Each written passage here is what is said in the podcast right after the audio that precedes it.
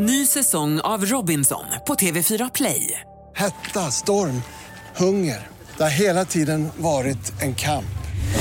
Nu är det blod och tårar. Fan händer just nu. Det. är Detta är inte okej. Robinson 2024, nu fucking kör vi! Streama söndag på TV4 Play. Podplay.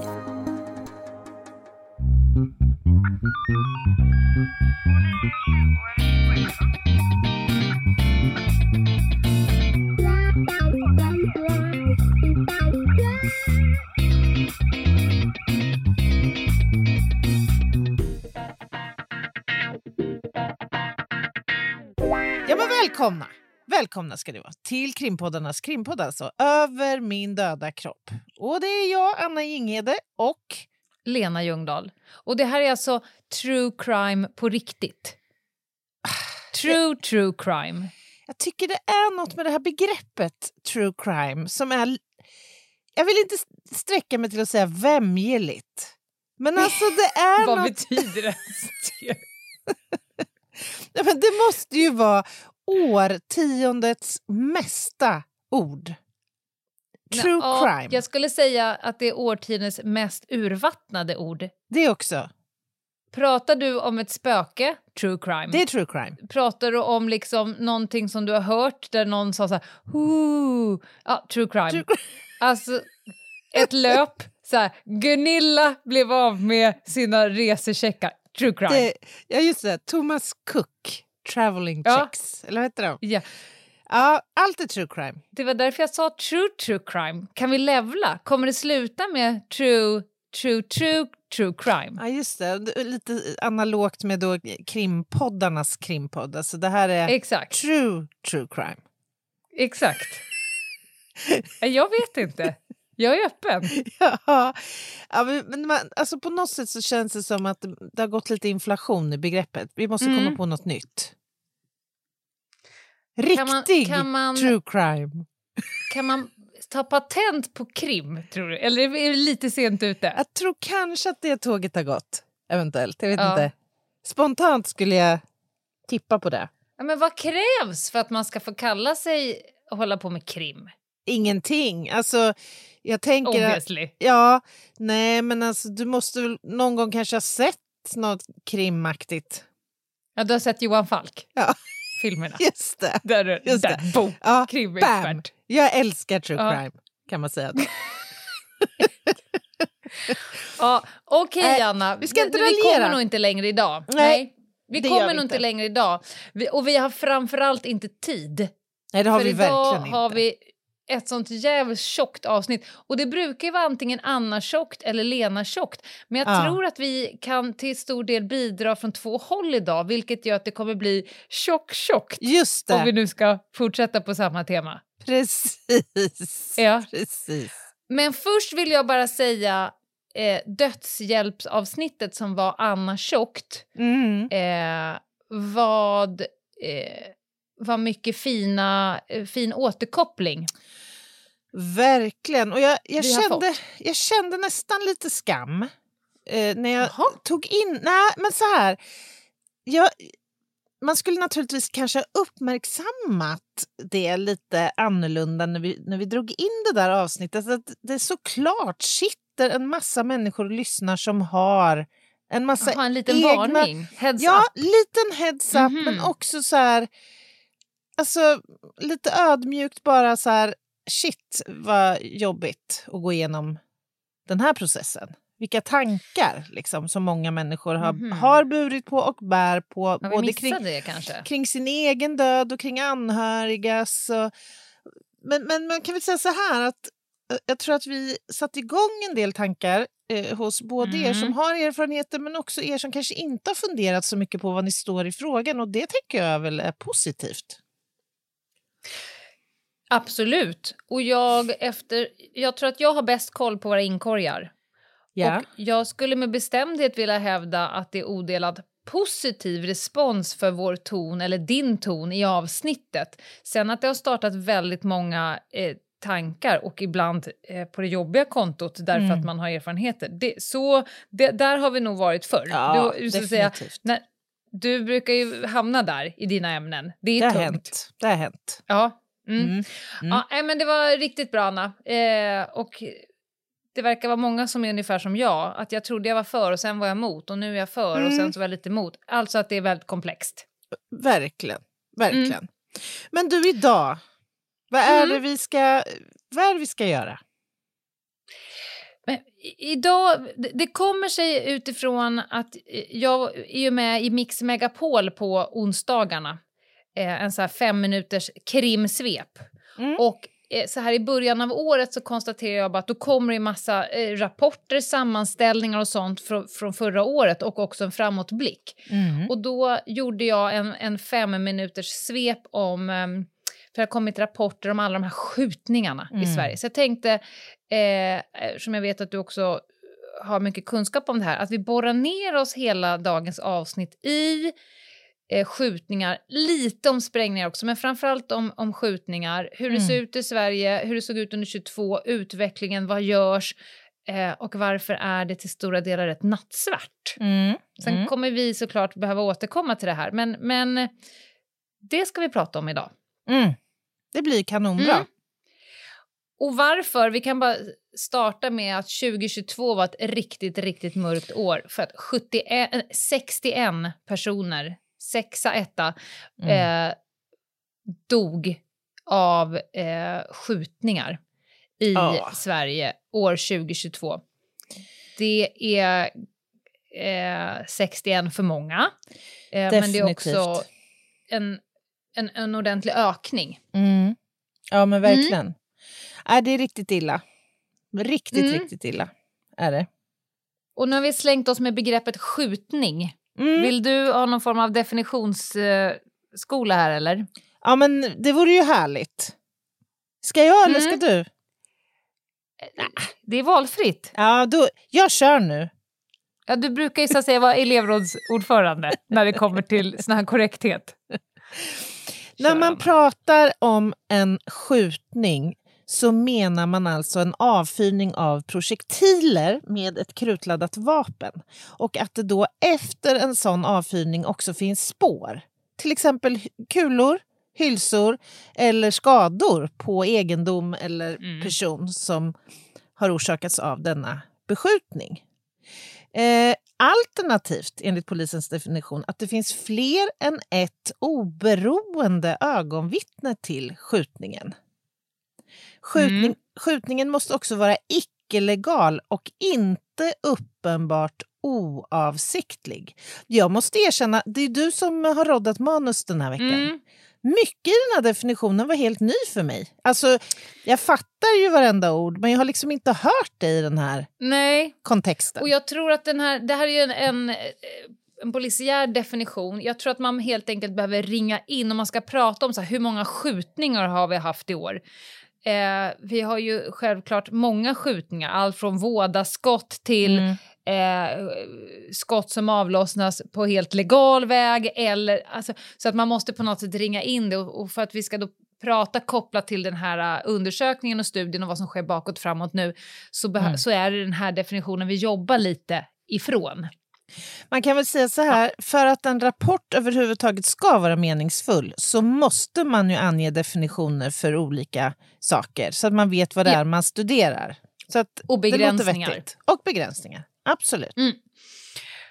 Och eh, det var ju så att regeringen gav Polismyndigheten eh, ett uppdrag redan 2016 att från den dagen, eller då, föra statistik över antalet bekräftade skjutningar per månad och polisregion. Det här kan man ju gå in på nätet och leta. Mm. Då kan man ju liksom få alla de här siffrorna, eh, om man nu tycker om Excel.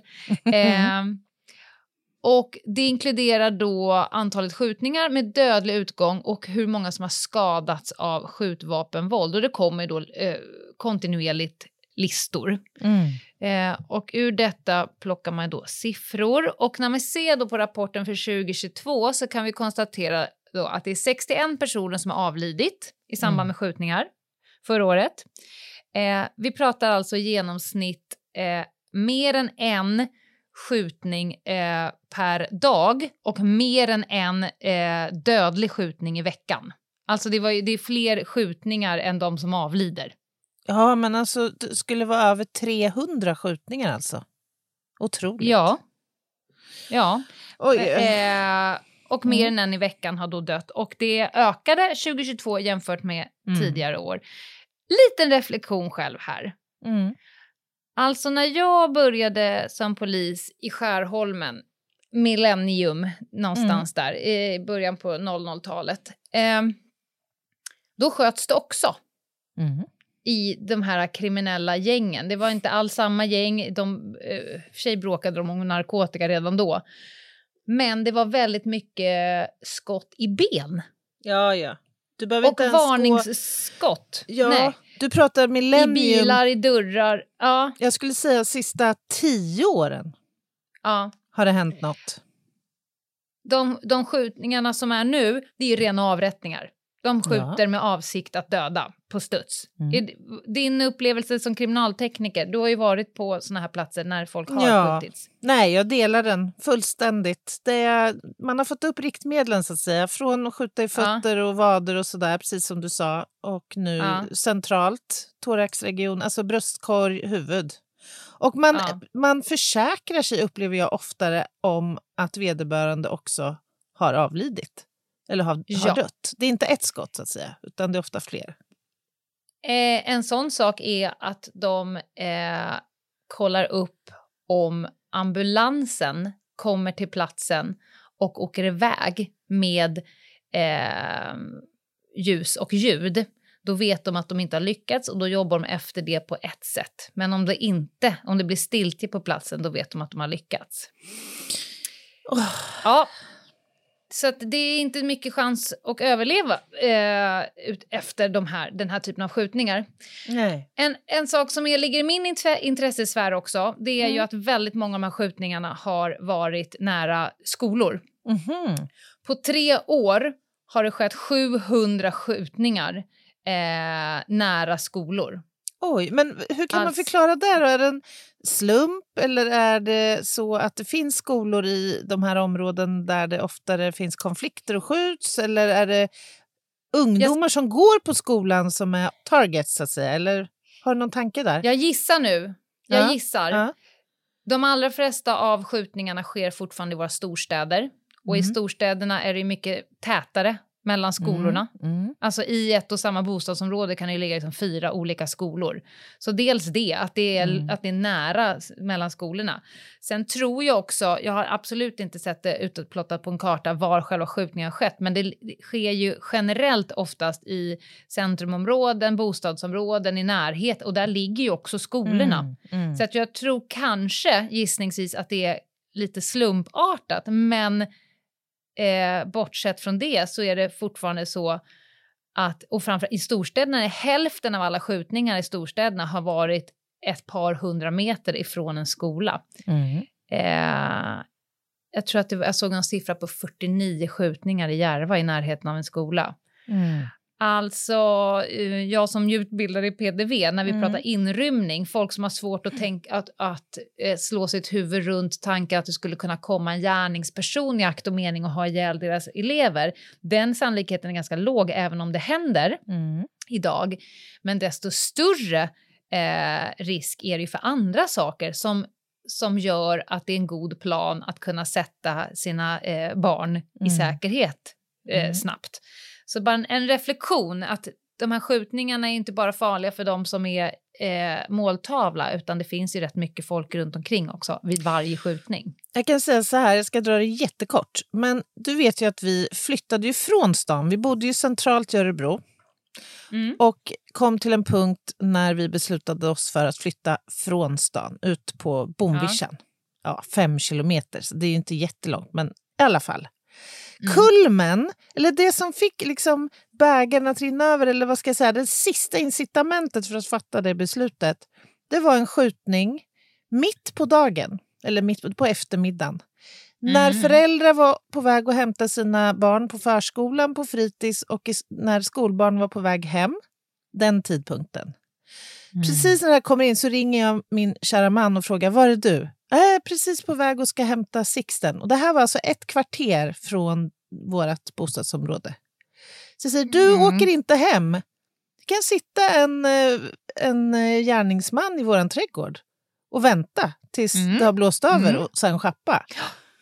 Alltså, det här, när det kommer så nära alltså, och, Mm. som du är inne på det här med skolor och tidpunkten är inte längre bara på nätter och allt det där. Det, det tar ju på en. Nej, men alltså, jag, tänker på det, eh, alltså, tänk då Järva, var det 49 skjutningar? Mm. Alltså, eh, då har ju alla eh, familjer i Ja. Järva haft din upplevelse Ja. rätt många gånger. Nej, det är bedrövligt. Det är Mm. bedrövligt på så...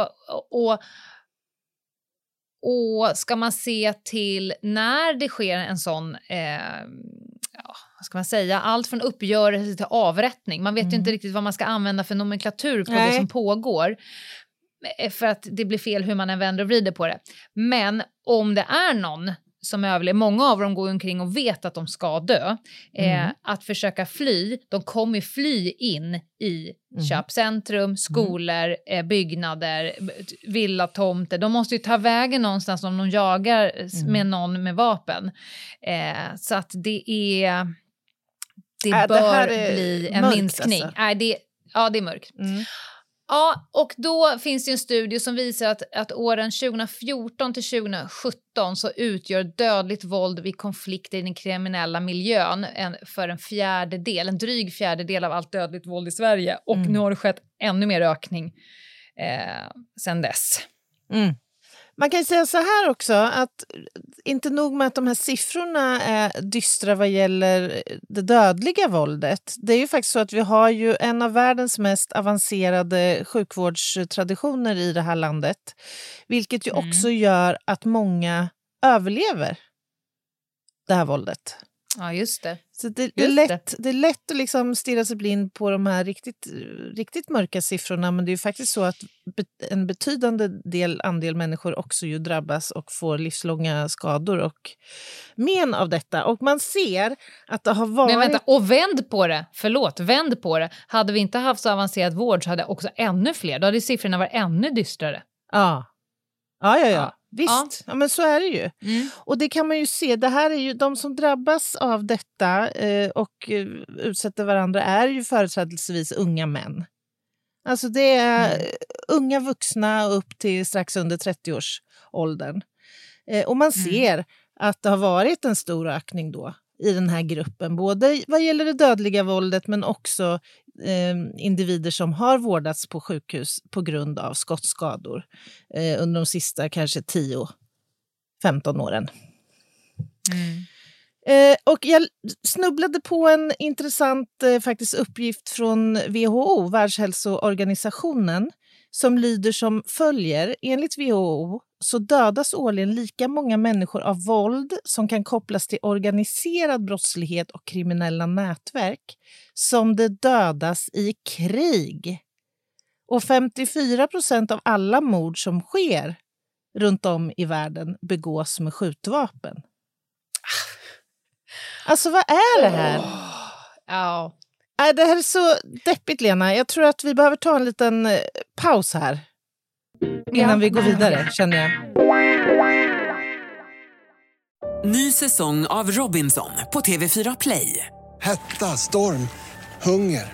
Det har hela tiden varit en kamp. Nu är det blod och tårar. Fan händer just nu. Det. är Detta är inte okej. Robinson 2024, nu fucking kör vi! Streama söndag på TV4 Play. Ett poddtips från Podplay. I podden Något Kaiko garanterar östgötarna Brutti och jag, Davva, dig en stor dos skratt. Där följer jag pladask för köttätandet igen. Man är lite som en jävla vampyr. Man har fått lite blodsmak och då måste man ha mer. Udda spaningar, fängslande anekdoter och en och annan arg rant.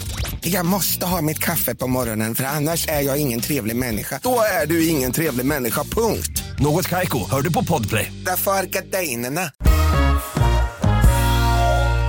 Välkomna tillbaka, kära vänner. Ni lyssnar på Över min döda kropp. Och idag så pratar vi om skjutningar och sprängningar. Och vi var just inne på att prata om döda kroppar, höll jag på att säga. Vi pratade Ja. om att, att det här våldet eh, orsakar väldigt många människors död och mm. lidande, inte bara i Sverige utan i hela världen. Ja, och historiskt så, så är ju den vanligaste våldsmetoden om vi pratar dödligt våld i Sverige har ju alltid varit kniv. Mm. Eh, men användningen av skjutvapen har ökat så pass mycket ungefär sedan 00-talet till idag. Så att idag är det faktiskt nästan lika vanligt mm, mm. med eh, skjutvapen som kniv vid eh, dödligt våld. Och automatvapen förekom ju i princip inte alls mm. eh, förr. Nej, nej. Eh, men, men nu så förekommer den i nära en fjärdedel av fallen eh, mm. under den här uh, studieperioden. Ja.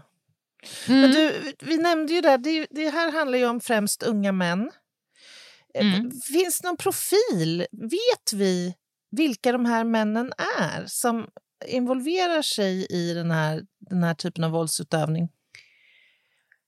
Jag skulle säga att polisen har jobbat ganska hårt gissningsvis. De har rätt bra koll eh, mm. och jag tycker att jag hör det hela tiden för nu sker det rätt mycket intervjuer för att det ligger ett enormt politiskt tryck att nu får ni fan få stopp på det här. Mm. Eh, och jag tycker eh, att det låter som att de har rätt bra koll på vilka de är.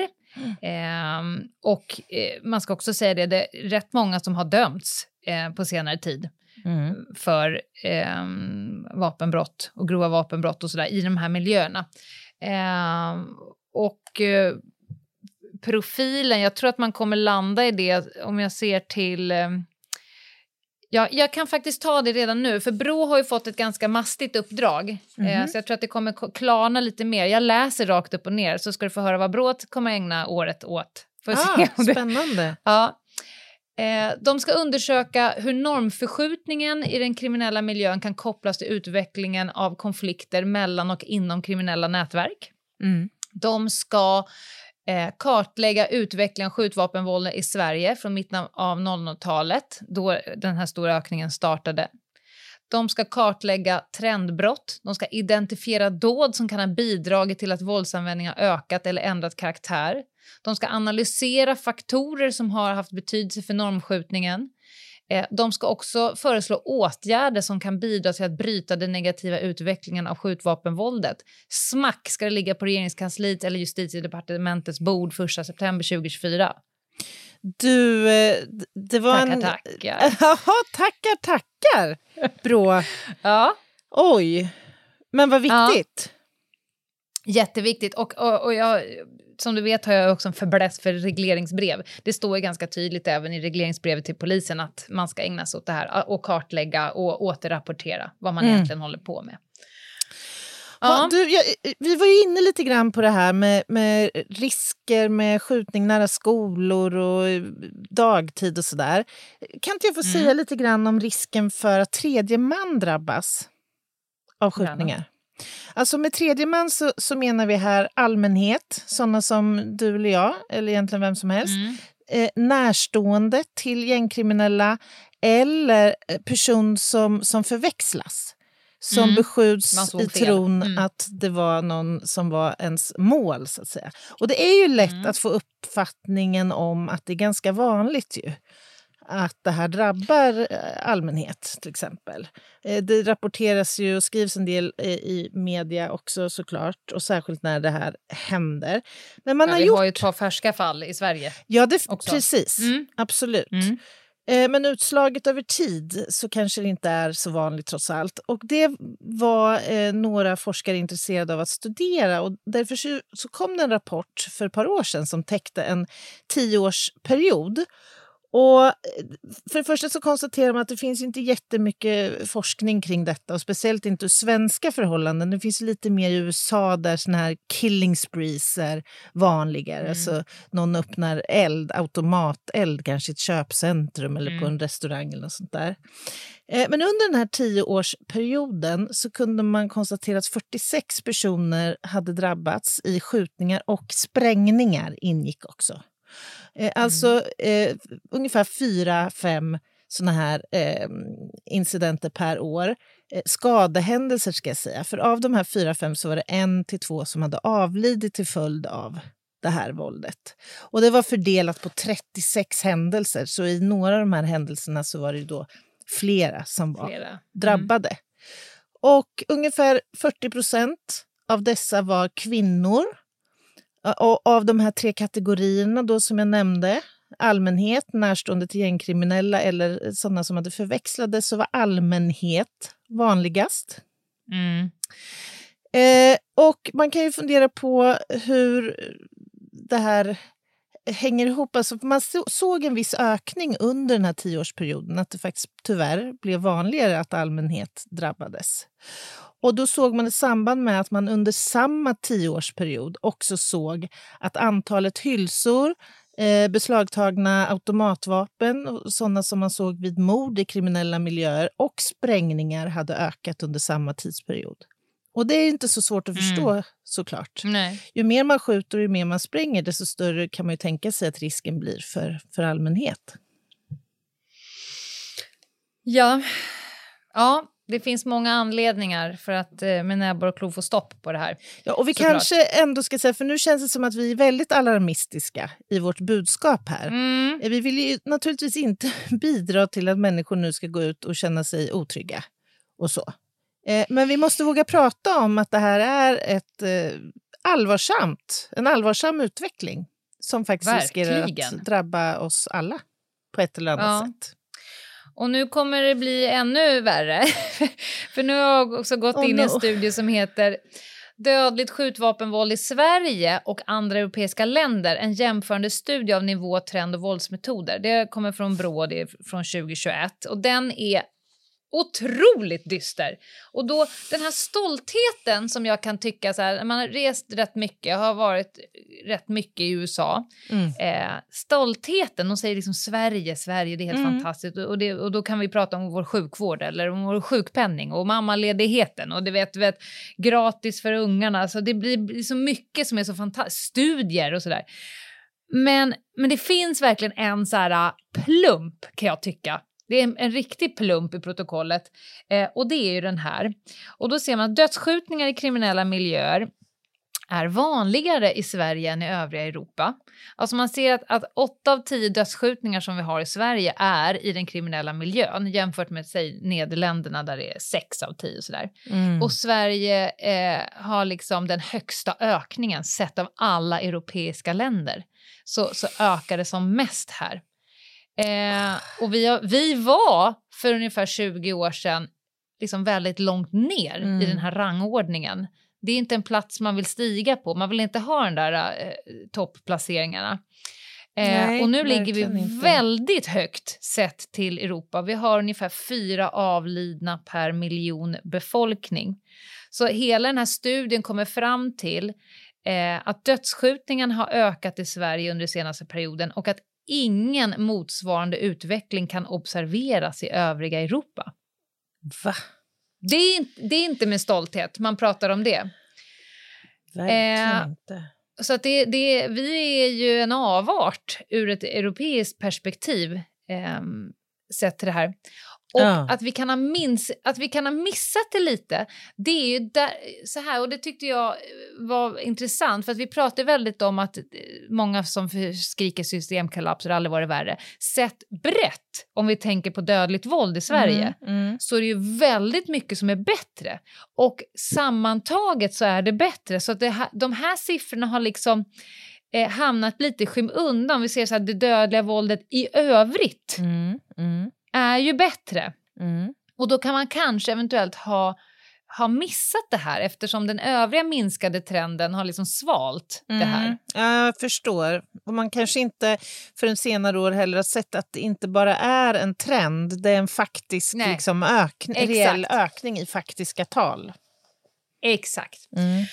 Så att det är ju, och då, då förstår jag att om inte förr så nu bör man ju dra i bromsen och börja jobba sig neråt på den här listan igen. För att det är ju mm. odugligt att, att vi eh, ska ha en ökning av dödligt skjutvapenvåld i Sverige där, som man inte hittar någon annanstans i Europa.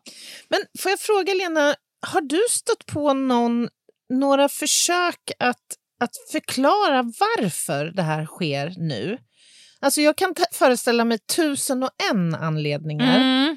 Men har mm. du sett någonting där man liksom har försökt sig på någon form av orsaksanalys? Nej. Det är väl lite det jag tycker att jag hör mig att Brå har fått uppdraget nu. För Mm. där diskuterar man ju hur fan kunde det bli så här? Eh, gör en analys. När hände det? Är det några särskilda eh, händelser som har liksom kickat igång det? Vad är, Mm. vad, för det är ju också, när, den studien tror jag kommer ligga som underlag för sen hur man ska välja sin arbetsmetod, vad man ska gå på. Mm. Jag tänkte säga vad man ska skjuta på, men jag ska inte gå den. Om man ska skjuta från Den- höften eller inte. exakt, Ja. exakt. Nej, det för- ska jag inte göra. Nej, För vi kan ju ändå konstatera att många av de här, du nämnde ett stort antal har skett inom ett avgränsat geografiskt område. De utgör en Mm. betydande andel av den totala mängden skjutningar. Vilket Ja. i vart fall säger mig att det här är fråga om en långvarig pågående konflikt mellan Ja, ja, olika. Så att säga, eh, grupperingar. Och, och det finns, och det kanske jag inte vill gå in på, men det finns ju lite teorier över vilka av morden och vilka av de här händelserna som har varit startskotten. Mm, mm. Eh, och, och det finns det ju en hel del, sådär. Men, men där vill inte jag gå in och... Nej, däremot har jag också egna...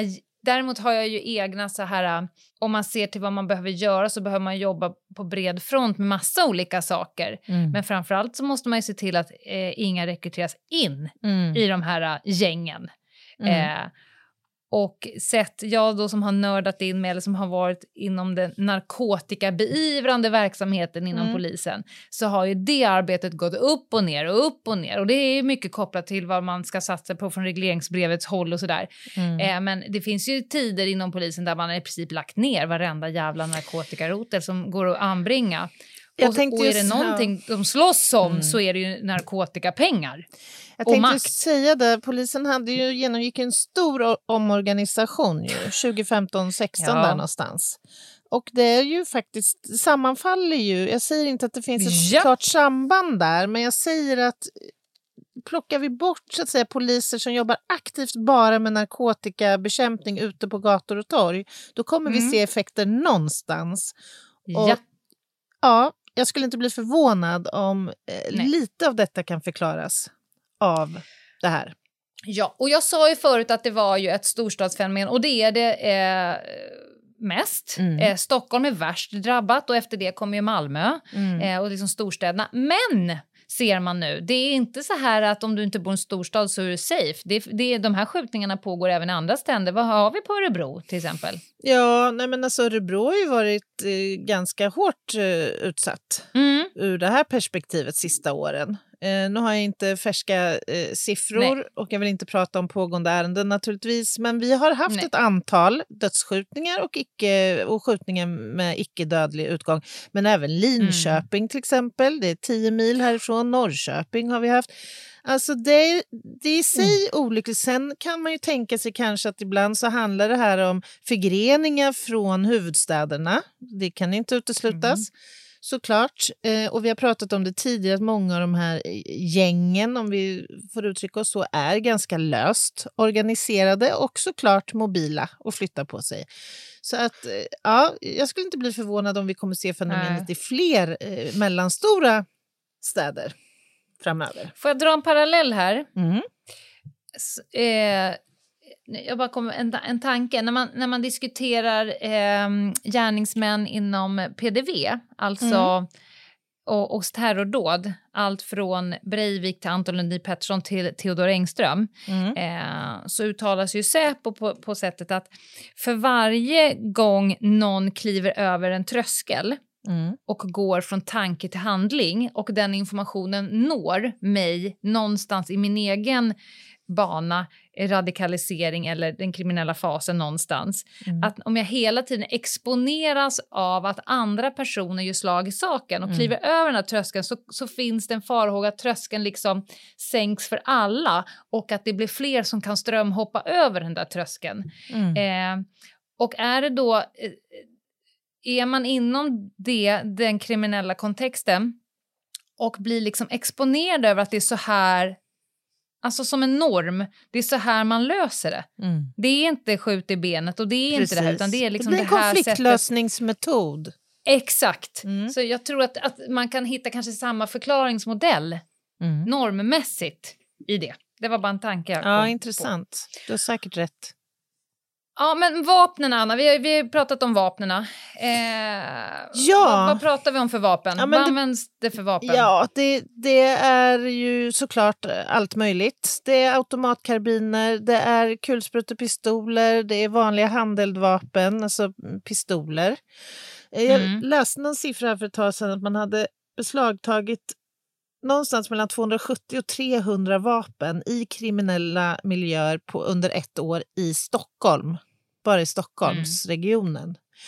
Mm. Eh, och det, det, vanliga är ju i bostäder. Men det kan också, man kan också anträffa vapen i offentliga miljöer.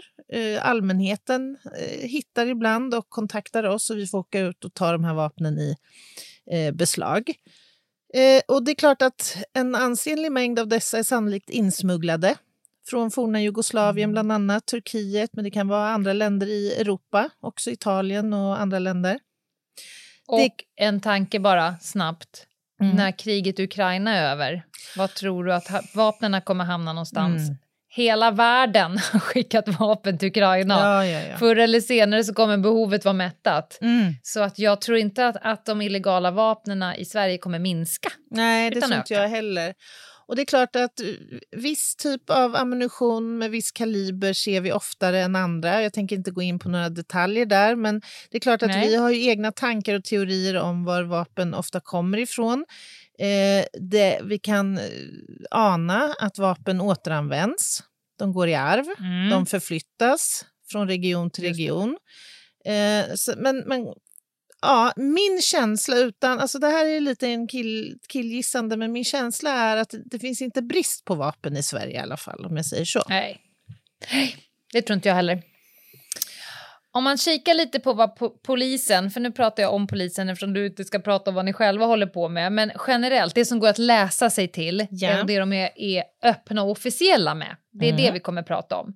Och det är att det pågår ju ett jättemycket förstärknings, förstärkning kring det här, att man, att man resurssätter, man måste ha redundans, man måste jobba långsiktigt, det här är ingenting, och det tycker jag polisen alltid är jättetydliga med.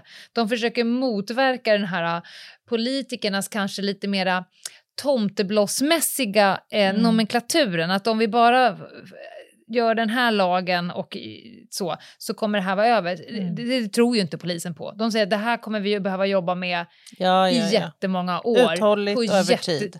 Mm. Ja, och på jättemånga plan där vi både eh, motverkar men också upptäcker, beivrar, eh, får lag, laga kraftvunna domar, skickar in folk i finkan men mm. framförallt stryper eh, nyrekryteringen och det kan inte polisen eh, till så, göra så himla mycket åt faktiskt. Framförallt inte själva.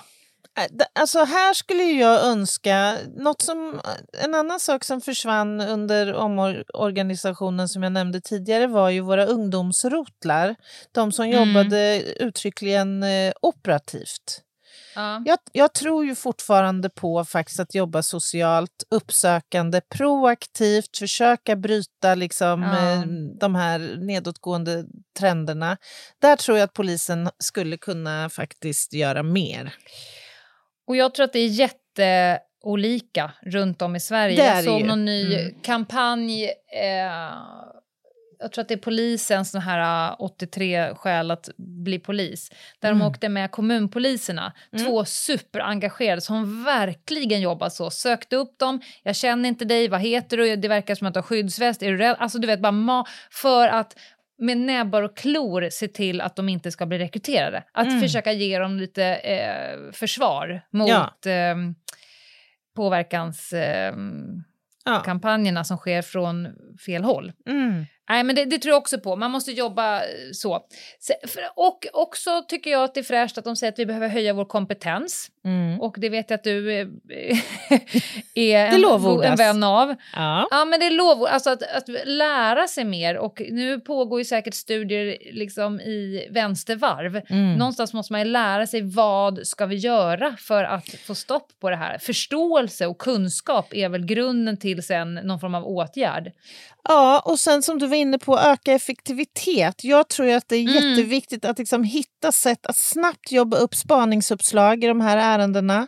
Eh, eftersom ja. vi vet att en skjutning i ett område ganska ofta efterföljs en kort tid senare av en ny skjutning. Så oh, alltså, ja. vi blir ju tyvärr lite frånåkta där och här måste vi jobba och kan jobba betydligt mycket mer intensifierat, bland annat forensiskt. Utan att gå in på detaljer där så finns det utvecklingspotential här. Okej, okay, det är bra. Ja. Det är bra. Och du brukar ju vara en vän av att tekniker ska komma till brottsplatsen. Ja, det tror jag är ett annat eh, viktigt eh, incitament. Alltså att vi faktiskt också får komma ut när allmänhet anträffar ett vapen eller kanske mm. till och med hylsor. Eh, alltså att vi måste kanske jobba lite bredare och förhålla oss till vapen och vapendelar som eh, potentiella eh, mordvapen faktiskt, om man ska hårdra det. Mm. Ja, men det finns att göra. Jag tror inte att det finns en enda polis i Sverige som inte förstår att det här kommer ligga under lupp 2023. Det kommer att göra, och inte bara i min organisation utan i Nej. alla samhällsrelevanta organisationer. Det här ligger ju såklart högst upp, skulle jag vilja säga. Ja. Tio topp på den politiska agendan mm. och på samhällsagendan. En sak som försvårar det, alltså man ser till polisens, eller polisen, rätts rättsvårdande myndigheters uppklarningsprocent så är mm. den generellt hög när ja. det kommer till mord, dödligt mm. våld av olika sort, men låg när det kommer till de här gängen, kriminella nätverken. Ja, vi har inte varit så framgångsrika i domstolarna Nej. och det har ju gjorts en del intressanta uppföljningar, eh, Uppdrag mm. granskning och allt vad det nu är. Det är ju intressant detta tycker jag, eh, faktiskt ur återigen det tekniska perspektivet. Min känsla är att beviskraven är så extremt höga, alltså ja. nästan löjligt höga så att vi lyckas liksom inte få fällande domar i indiciemål i princip. Eh, ja, det här har vi varit inne på flera gånger och jag... Det här irriterar mig, ska jag säga. Alltså, vi har ett rättssystem där det ska, där det ska räcka med utom allt rimligt tvivel. Mm. Att, att det ska vara alla rimliga tvivel ska vara släckta innan man kan bli dömd enligt mm. svenska rättsmodellen. Men som jag tycker att domarna är nu så ska alla tvivel vara släckta. Ja. Även de helt orimliga tvivlen. Finns det ett ens orimligt tvivel mm. så, så blir de inte fällda.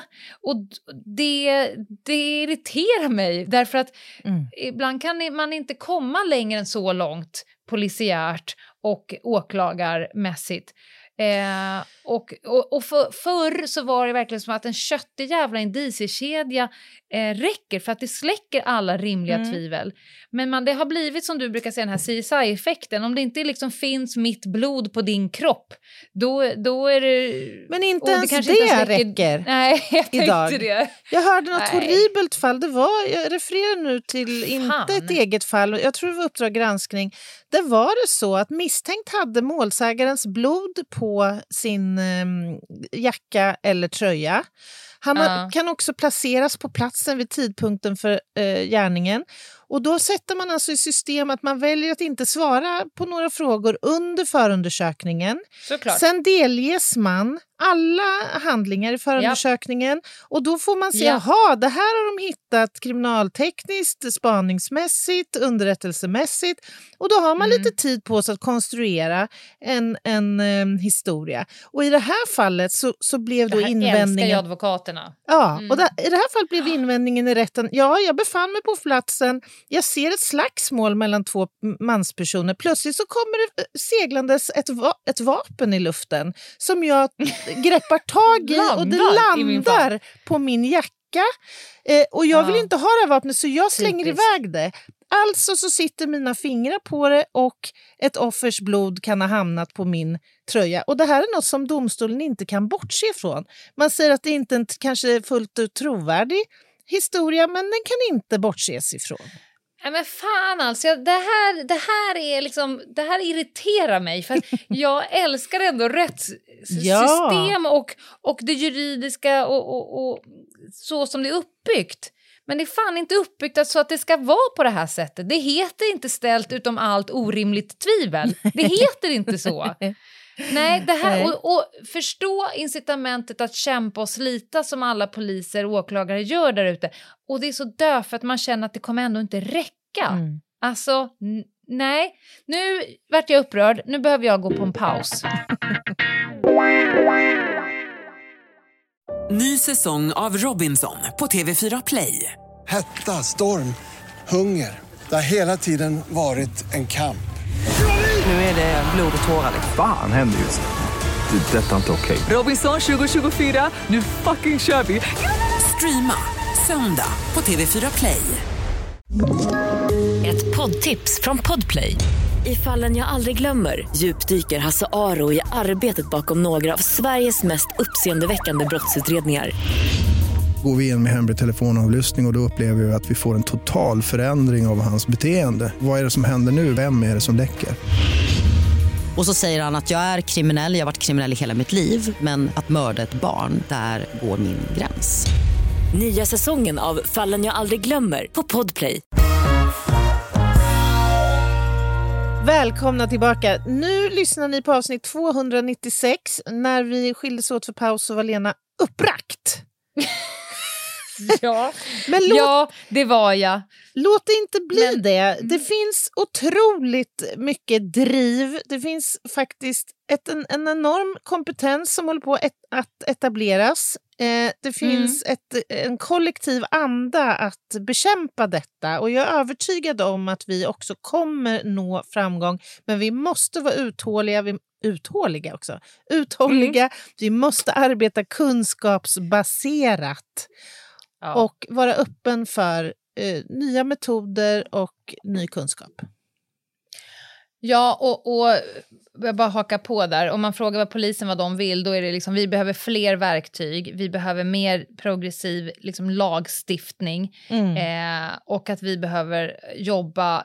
Polisen vill ju gärna slå armkrok med övriga samhället mm. för att lyckas från, från båda håll samtidigt. Med, mm. med det långsiktiga målet att det ska inte in några nya in i de här gängen. Man kanske inte kan rädda de som är där, men det ska fan inte in fler i gängen. Nej. Jaha, men Anna, ska vi närma oss lite... Eh, för det har börjat sprängas en del också. Jag tycker att det har varit rätt lugnt på sprängning, men 2022, mm. inte lugnt. 90 sprängningar. Mm. Eh, och det här är ett fenomen som man också ser ökar. Eh, jag mm. hittade siffror för Stockholm och där ser man ju mellan 2017 och 2019 en ökning från 21 sprängningar till 32 till exempel. Och Det här mm. är ju olycksbådande och dessvärre så verkar det vara så att det också finns en viss överlappning mellan sprängningar och skjutningar. Och man kan inte utesluta ja. att det så att säga, är samma förövare som, som skjuter som, som spränger. Och eftersom sprängningarna har ökat så pass mycket nu och de är uppe i 90 år 2022 så är det inte helt otänkbart, precis som du säger, att det är samma gäng som ägnar sig åt båda aktiviteterna. De har helt enkelt bara eh, utökat sina arbetsmetoder ja. i sitt värv. Och fortsatt väldigt eh, farliga metoder ju. Eh, mm. Både för den som sprängladdningen är avsedd för men också såklart för, för allmänhet och andra. Nu sker ju det här företrädelsevis nattetid och när man tittar på vad det är för objekt så att säga, som utsätts så är det främst eh, näringslivsverksamheter. Eh, alltså butiker och restauranger ja. och sådär. Och sen på, efter det så kommer privatbostäder, vilket ju är mer olycksbådande eftersom det kan bo många människor i till exempel ett hyres hus. Så att det här är, och, och vad, om vi ska prata lite grann om vad det är för typ av explosivämne eller sprängämne så, så är det eh, faktiskt ganska vanligt med konventionella sprängämnen, alltså civila och eh, alltså sådana som används för sprängning vid vägarbeten till exempel, byggen och så, men också militära. Och jag har inte... Ja, hand, ja handgranater mm. också. Det är ganska mm. ovanligt skulle jag säga med de här superavancerade eh, fjärrstyrda sprängladdningen och så. Men, men det förekommer också. Mm. Jaha, Lena, så det sprängs och det skjuts i Sverige. Det ökar. Ja. Det verkar eventuellt förflytta sig. det förekommer inte bara i storstäder utan även i Nej. mellanstora och mindre städer. Det sker inte bara nattetid. Det sker inte uteslutande i glesbygd. Alltså det sker nära skolan. Alltså det här hur, ska vi, hur ska vi lösa det här? Ja, och, och jag bara fick en känsla också, vi har pratat så här, risk för tredje person, risk för skolor och så vidare. Vi ska inte glömma också alla anhöriga till de som har dött. Verkligen inte. Vilket jävla sorgeår för ja. rätt många och de har nog, känner nog varandra också, några av dem. Det är alltså, klart. Ja. Det är klart. Nej, nej men alltså, eh, ja, jag tror att vi har varit inne på det som behövs göras och jag tror att det kommer kanske hända mycket under kommande år för att nu eh, kommer ganska många verksamheter behöva eh, fokusera. Och samtidigt det vet ju du och jag, när polisen ska eh, kraftsamla och fokusera på en sak då finns det väldigt mycket saker som polisen inte kommer mm. göra. Exakt. Eh, och då är det andra människor som drabbas för mm. allt som inte kommer att ske. Mm. Så att det är ju en, eh, en svår uppgift. En liten ljuspunkt är väl att under 2022 så har man gripit ett stort antal människor som har häktats för grova och synnerligen grova vapenbrott. Så att man jobbar ju hårt för att få bort vapnen. Men man tycker eh, men, ju, ja. man tycker ju att, att det här borde följa principen för andra yrkeskriminella. Att får man bort ett antal från eh, gatan mm. helt enkelt och inkapaciterar mm. dem så borde ju då skjutningarna minska. Men vi ser ju inte tillstymmelse till ett sånt fenomen, en sån trend. Nej, det verkar finnas... Eller hade det eh, ökat ännu är... mer utan dessa gripna? Ja, och... vem fan vet. Ja. Vem vet, men, men det känns ju som att det finns alltid någon som är, är villig att ta, sig, ta på sig hatten mm. när någon eh, försvinner, oavsett om den dör eller, eller blir eh, häktad mm. och dömd så, så, verkar det ju... Fin det finns ju liksom inget stopp. Det är ju det som jag känner, så här, fan vi måste åtminstone få ett stopp mm.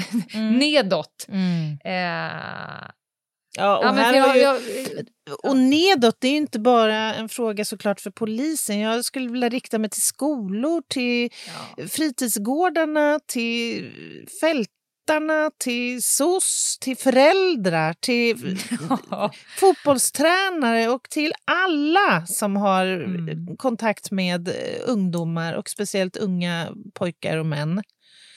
För mm. tusan alltså, slå larm! Mm. Ja. Oh. Ja, nej, Anna, jag tror att vi inte, hur vi försöker greppa efter eh, så att säga, någon, någon ljus slutknorr så tror jag att vi kommer gå bet den här gången. Mm. Det är bara att konstatera att vi stänger 2022 och sett till skjutningar och sprängningar så är det ett riktigt dyst, dystert år. Eh, och vi kommer återkomma till det här ämnet. Vi kan fördjupa oss i varje del lite grann. Mm, mm. Eh, men nu stänger vi det för idag och sen hoppas jag, för jag tror att folk eh, när det är lite deppigt så behöver man en jätte, jätteviktig lista att landa lite på. Ungefär som, som tomtegröten. Mm, man behöver liksom mm. ha något som lägger sig lite som bomull. Som Just man kan det. landa du på. Tänker så, ja. Mm. Som en mm. tjockmatta mm, som luktar mm. lite gympasal. Det är den du är ja, nu. Jag förstår. Ja, ska du ta de samhällsinfo först då, så kan jag ja. göra dig besviken sen? Nej, kommer det något deppigt idag? Eh, ja, samhällsinformation är väl att eh, vi har ett Instagram, där heter vi Ljungdahl Ginghede. Vi har en eh, mejladress som är hej och vi har ju en eh, en spaning och den är ju bara en gång i månaden nu för tiden. Eh, så att ni, det kommer dröja några veckor, men alla, för alla er som inte hörde den spaningen som var i måndags, för den var riktigt rolig, den var dryg timme lång. eh, Meta började prata om eh, förväntningar på hotellrum och Anna drog det direkt till droppställningar och sånt där som du önskar dig ha i hotellrum. ja. Medan jag mer letade efter betjänter som matar mig med vindruvor när jag kom på plats. Det är så olika det där. Ja, det så Men olika. Det, det, är alltså en spaning som inte har någonting med krim att göra. Det är untrue crime, Just som det heter. Ja. untrue true crime. Uh, untrue true crime. Anti-crime true. eh, för att ni ska hitta den så går ni in på Podplay-appen eller podplay.se och så söker ni på eh, vårt vanliga... Så. Den, finns där i alla fall. Sök på oss. Mm. Ni hittar oss. Sök ni hittar på. den där. Ja, sök. Ja. Men nu, Anna! så är det... Älskar att vi har det här dubbeltemat idag. Det är din jätte, jätteviktiga lista. Ja. Varsågod. Tackar, tackar. Annas jätte, jätteviktiga lista. Ja, du efterlyste en, en eh, insvettad eh, sockerplastdoftande eh, tjockmatta. Ja. Eh, och jag önskar så. Gud så tryggt. Att jag hade kunnat ge dig det.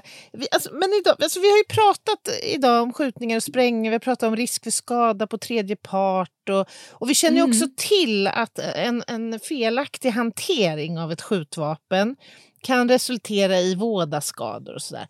Men man kan ju Mm. också eh, komma till skada på en mängd andra eh, mer eller mindre konstiga sätt. Eh, och det är Mm. det jag tänker prata om. Bra idag. brygga, Jinghede. Ja, ibland så. Som en jävla snitslad tipspromenad Som på en schnitzel. Som Ja. en wienerschnitzel, ja. ja.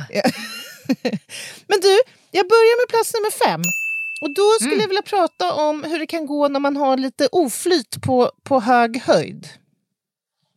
Eh, Mm. och det här med att utmana naturens lagar, det vet vi är förknippat, eller kan vara förknippat med risker.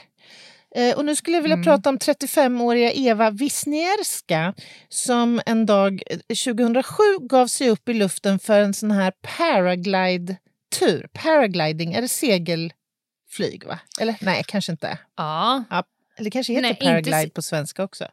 Eller, Nej, men inte ett, det är inte ett flygplan. Du har väl någon sån här skärm Är det bara en sån där som skärm, du, ja, Som du styr det. så här. Ja, ja, ja. ja, ja. Det är ju helt knasigt alltså, ja. i sån. Ayia Napa 93. Ja. Uff. Ja, alltså hon kom upp eh, på rätt höjd och sådär enligt rutin. Mm. Det var bara det att när hon kom upp där då hade molnen liksom tornat upp sig och en storm hade byggts upp. Och det här medförde att hon sveptes iväg då i sin skärm sex och en halv mil i en hastighet av 80 kilometer i timmen och på en höjd av 9000 meter, Lena Ljungdahl. Och på den här höjden... Tryckutjämnade hon någon gång tror du? Ja men alltså herregud. Men vad tänker man när man hänger... Man är då på ni, 9000 meter över marken och möter hagel stora som tennisbollar. alltså, äh, det är det sjukaste. Hur långt höll hon på sa du? Alltså, jag vet inte hur, hur lång tid i, i timmar och minuter, men alltså Nej. hon färdas då sex, och en- eh, mil i alla fall och det ska, hon ska komma upp i hastigheter av ungefär 80 kilometer i timmen uppskattar hon. Och hon ska alltså då ha förlorat medvetandet under eh, en kort stund Ja. men kvicknat till och då alltså lyckats manövrera den här skärmen som måste ha hängt i tre snören typ. Jag ser framför mig en liten ah, Jag ser som framför mig som paraply. ett paraply som Ja. har åkt ut och in. Och hon lyckas i alla fall försätta sig i, alltså landa säkert, utan benbrott eller annat. Men hon har ju frostskador över Ja. typ hela kroppen. Men vänta här nu, 10 000 meters höjd. 9 000. Det var ju Mm. Ja, jo, men hon kunde ju ha krockat med en Airbus 380. Ja, ja, ja, ja, visst, visst. Nej, men det är helt sjukt alltså. Just det, we have överleva det här. Ja. Man är nog inte så jävla kaxig, vet du, när man hänger där uppe i sitt Mary Poppins p- paraply så att säga. Med lite socker i vatten så kommer medicinen ner. Tror man sjunga den? Ah, Åh, Okej, Okej. plats nummer fyra. Nu skulle jag vilja eh, ta dig till en miljö där man kanske inte tänker att det ska hända olyckor, eller fallolyckor möjligen. Jag pratar om, om muggen nu, toaletter. Men för, föreställ dig att du sitter på muggen och så ska du precis avsluta det som du så att säga kom för. Och spolar. Och då händer det någonting i toaletten så att ett enormt tryck byggs upp i kloaken, i själva klosetten. Så pass så att hela porslinsfåtöljen exploderar och det skjuts iväg typ 5000 porslinsprojektiler i badrummet. Det här hände Eh, Michel Pierre. Nämligen. Ja. Han överlevde detta. Men han hade porslinssplitter i, på, över hela I sin enda kropp. lyktan. Ja, inte bara där. Över Nej. hela eh, kroppekakan. Ja. Ja, det, är, det, det räknar man hur- inte med ska hända. Rent tekniskt, hur, vad, vad sker själva tryck? Alltså det måste Var ju ha blivit... Jag tänker att det måste ha blivit extremt... Någon plugg någonstans till att börja med. Ah, så att du inte kan utjämna trycket. Eller så har det liksom, kommer det ut, längre ut ifrån någon huvudstam kanske, att det byggs upp. Jag vet inte. Ja. Du tycker jag har gjort dåligt förarbete här, märker jag. ja, men man blir Du vill ha intresserad. mer? Du vill ha mer? Det, ja, jag undrar också hans, for, hans position. Var han på stolen, körde han lite Jan Boklöv eller han, stod han upp? Alltså när spolade den här Jean Marc? Vad var han liksom i förhållande till... Jean Marco. ja, ja, det är så mycket frågor som byggs upp nu känner jag, som Ja. bara sam hopar sig. Ja. Jag måste nästan gå tillbaka till källan och se om jag kan var det hitta också mer. fekalier? Hade han gjort ettan eller tvåan undrar man ju nu. För det är ju dumt att få in, jag tänker så här, sår av porslin och sen fekaliedusch efter just det. det. Just det. Det är helt sant, ja. Det tänkte jag inte heller på. Samtidigt så tänker jag om man nu är perforerad av porslin så vet jag inte om... Och det dessutom har skjutits iväg i flera hundra kilometer i timmen. Alltså Ja, det nej. bara evaporerar tänker jag, de där små fekaliesnuttarna. Okej, okej, okej. Plats nummer Ja. tre då. Nu ska vi ut i trafiken och där känner vi ju gott och väl till att uh, otäcka saker kan hända. Ehm, Mm. Och nu eh, ska vi prata om specifikt en kollision under mc-färd. Dock inte med en annan trafikant, utan här handlar det om någonting helt annat. Det var Matthew Breeley som under färd... Really?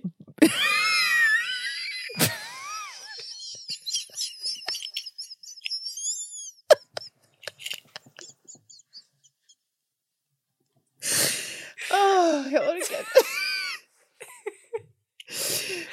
Och jag, jag bara kände att jag behövde bli lite förvånad men jag kom också på att jag släppte den för tidigt. Den där skulle jag ha sparat på men den bara, den bara lämnade min kropp. Jag testar den om en stund igen. Jag gör det. Den... Ja. Ja. Test, testa om 20 sekunder. Åh, Ja. Då blir jag förkyld också. ja, förlåt, förlåt, förlåt. Det var Matthew Breeley Ja. som under färd blev träffad av en... Alltså han kolliderade med en duva. Och den här duvan slog ut honom medvetslös. Och, Really? Det var ju nu jag skulle komma med den. Det där hade ju varit bättre. Fan! Fan, jag börjar tappa det. Åh, gud. Åh, gud vad tråkigt det It's var. all about Ja. timing honey. Ja, Ja, i fan. alla fall, när den här kollisionen inträffade då så tryckte Matthew Breeley av misstag Mm. på gaspedalen och kom upp i över 200 kilometer i timmen och eh, eh, krockade med ett träd. Och det tänker man ju, det ska Mm. ju inte gå att överleva det här. Jo, det gjorde Mm. han. Mirakulöst så överlevde han med ett gäng frakturer förvisso, men ändå. Vilken grej! Frontalkollidera med en sån där flygande spy, spyfågel. Hur gick det för måsen? Mås, det var en duva! Ja, hur gick det för duvan? Ja, men det förtäljer väl inte historien. Den överlevde väl inte det där naturligtvis. Vet du om, bara lite litet instick här. Jag la upp någon meme häromdagen där det stod typ så här om hunden dör filmen tänker inte jag se filmen. Eh, och då var det en som hörde av sig till mig som berättade att det finns alltså en app Aha. där man kan, om man känner så här, fan jag ska titta på en rulle ikväll och sen så vill man så här, nej jag är, inte, jag är liksom inte tillräckligt stabil för att se djur som lider eller dör. För, att, för min del så kan 500 pers dö i en film, om det är en kanin som stukar foten så bryter jag ihop.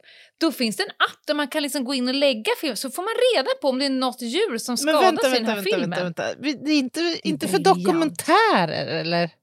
Nej, spelfilm. Det är fan briljant. Wow. Ja, Ja. vi kan gå vidare. Okej, då skulle jag vilja prata om en variant av Motorsågsmassakern.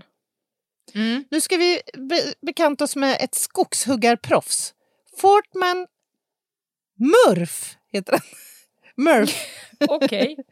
Som var ute i skogen en dag för att genomföra ett dagsverke. Och när han hade fällt dagens sista träd då med sin motorsåg så händer någonting vid själva fällningen. Han har missbedömt hur det här trädet kommer att lägga sig och det tar med sig liksom i farten ett till träd som slog Mr Murph medvetslös. Vilket Nej, resulterade i att han landar, han ramlar alltså över sin Mm. motorsåg medan den är igång. Schmerzen. Schmerzel, Malian, ja. Eh, verkligen. Han blev Biff Rydberg. Den här, den alltså lyckas då, han lyckas eh, på något sätt vakna till här när motorsågsklingan äter sig in över halsen på honom.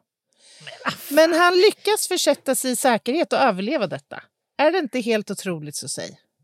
Vad menar du med försätta sig i säkerhet? Rymde han ifrån? Ja, han... I got a split like a banana, Ja. han. Sen drog han. Ja. Nej, men han, Ja. han lyckades ta sig till en granne, eller när, någon som bodde nära. Fan, det är otroligt. Ja, det är Med helt- halsen uppslofsad Halvt- av sin egen Ja, ja, ja, och Ja. kraftigt blödandes. Mm. Okej, jobbat. plats nummer ett, Lena. Mm. Vem vore jag att ha en jätte, jätteviktig lista om den inte innefattar något oralt? Därför tänkte jag berätta om Alan Pinkertons öde. Känner du igen namnet Alan Pinkerton? Ska jag göra det? Ja, kanske. Han var ju gammal detektiv nämligen. Mhm. Grundare av The Pinkerton Detective Agency. Det här var ju Ja. någon gång i slut, mitten, slutet på 1800-talet. I den häraden, så att säga. Du var det så här, Pinkerton var ute och gick en dag och snubblar väldigt olyckligt på en trottoar. Han överlevde det här fallet, men i fallet så bet han sig i tungan något så infernaliskt illa. Mm. Och eh, på den här tiden så hade man inte så mycket att behandla infektioner och så med. Eh, och man lyckades inte heller behandla den infektion som han fick i tungan sekundärt till den här skadan då i tungan och fick alltså gangrän, eller ja, kall, kallbrand i tungan. Mhm. Vilket gör att tungan full, ja, den ruttnar. Vävnaden dör alltså. Googla gärna det här gangrän i tunga. Nej, det kommer jag inte Om göra. du vill men jag undrar... en Jag vill visual. absolut inte googla. Nej, okej. Eh, Men jag undrar om han gick... Sadlade han om då från detektiv till pantomiteater?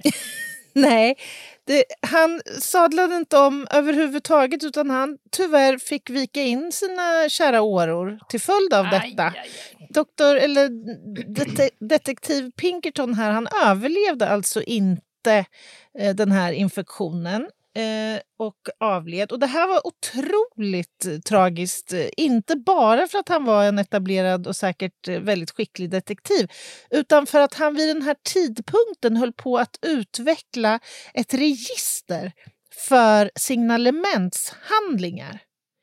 Nej! Jo! Vilket var ett arbete som senare då istället utvecklades av FBI faktiskt. Så fick du en liten anekdot också på true crime-tema. Ja, det fick jag. Men han ramlade alltså... Han dog av att han snubblade på en trottoarkant. Ja. Det är inte att gå ut med en bang. Nej, verkligen inte. Vad Verkligen hade du inte. gjort åt en inflammerad tunga anno En 2023, inf- Anna? Infekterad tunga hade jag hårdbehandlat med antibiotika och hade man sett tecken på vävnadsdöd hade man kanske fått kirurgiskt försökt att åtgärda detta. Alltså ta bort nekroser och död vävnad tills man kommer in i frisk och fin vävnad. Och hoppas på det bästa. Frågar. Varför frågar jag såna här frågor? Det är helt osannolikt dumt. Fråga istället om, om, du, om jag tycker det är en bra idé att pierca tungan. Tycker du att det är en bra idé att pierca tungan? Nej, det är en skitdålig idé av den enkla anledningen att du kan få en infektion och sedermera gangrän i din tunga. Så gör inte det. Är det bättre att skär, splitta den i två så det blir som en sån här ödlegrej? För det har han som, som piercade min, min sons öra. Åh, så dumt. Låt tungan vara bara. Låt den vara. Du vet att det finns en kasse som heter Leave Britney Alone ja. som jag har. Du skulle kunna ha Leave tung, helvetet alone. På. Backa tungan. Vad fan vad den kämpar, tungan ändå. Vi måste ändå ja, ge den det. Vi, vi, borde hylla, vi är för dåliga på att hylla tungan tycker jag.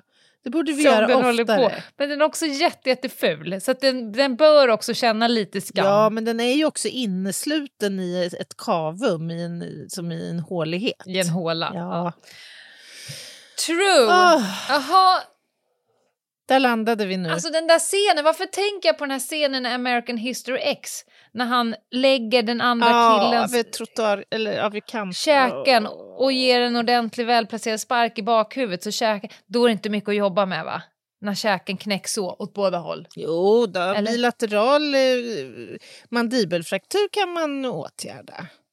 Det brukar, mm -hmm. återstå, det brukar finnas hopp för dem. Men jag tror inte det räckte med det i just den där scenen. Faktiskt. Nej, nej, nej. nej. Fanns mer att göra där. Mm. Tack Anna för din jätte, jätteviktiga lista. Då ska jag ladda upp tillräckligt mycket ilska för att få till en rövhatt nästa vecka. Det ska väl gå bra? Det tror jag nog alldeles säkert. Det tr ska gå bra. Ja. ja. och hörni, glöm inte att gå in på Instagram. Eh, jag, Anna och Meta har varit i en fotostudio och haft jätteroligt. Vi har lagt upp och kommer att lägga upp fler bilder på vårt Instagram därifrån. Ja, för tusan. Så ta hand om er. Ja. Trevlig helg och sen hörs vi nästa torsdag. Det gör vi. Ha det bra. Bye! Bye.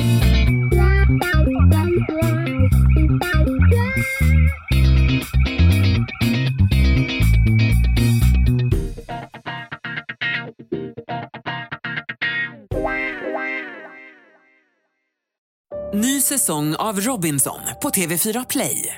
Hetta, storm, hunger. Det har hela tiden varit en kamp. Nu är det blod och tårar. Fan händer just det. det detta är inte okej. Okay. Robinson 2024, nu fucking kör vi. Streama söndag på TV4 Play.